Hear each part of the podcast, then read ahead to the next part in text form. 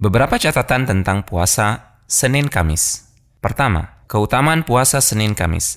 Usama bin Zaid radhiyallahu anhuma beliau menceritakan bahwasanya Nabi Shallallahu alaihi wasallam terbiasa puasa setiap Senin dan Kamis. Ketika beliau ditanya alasannya, beliau bersabda yang artinya, sesungguhnya amal para hamba disampaikan kepada Allah setiap Senin dan Kamis.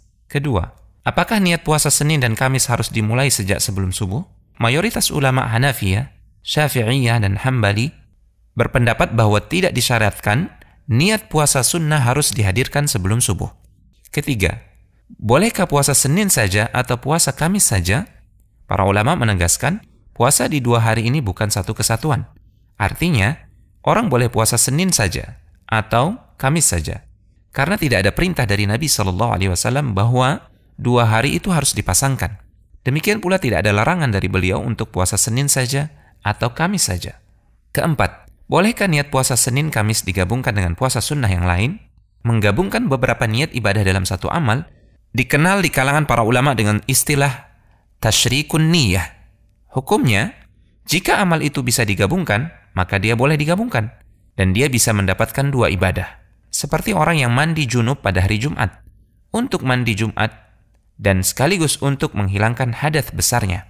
Maka status hadat besar akibat junubnya hilang dan dia juga mendapatkan pahala mandi Jumat. Kelima, pahala tetap mengalir sekalipun tidak puasa.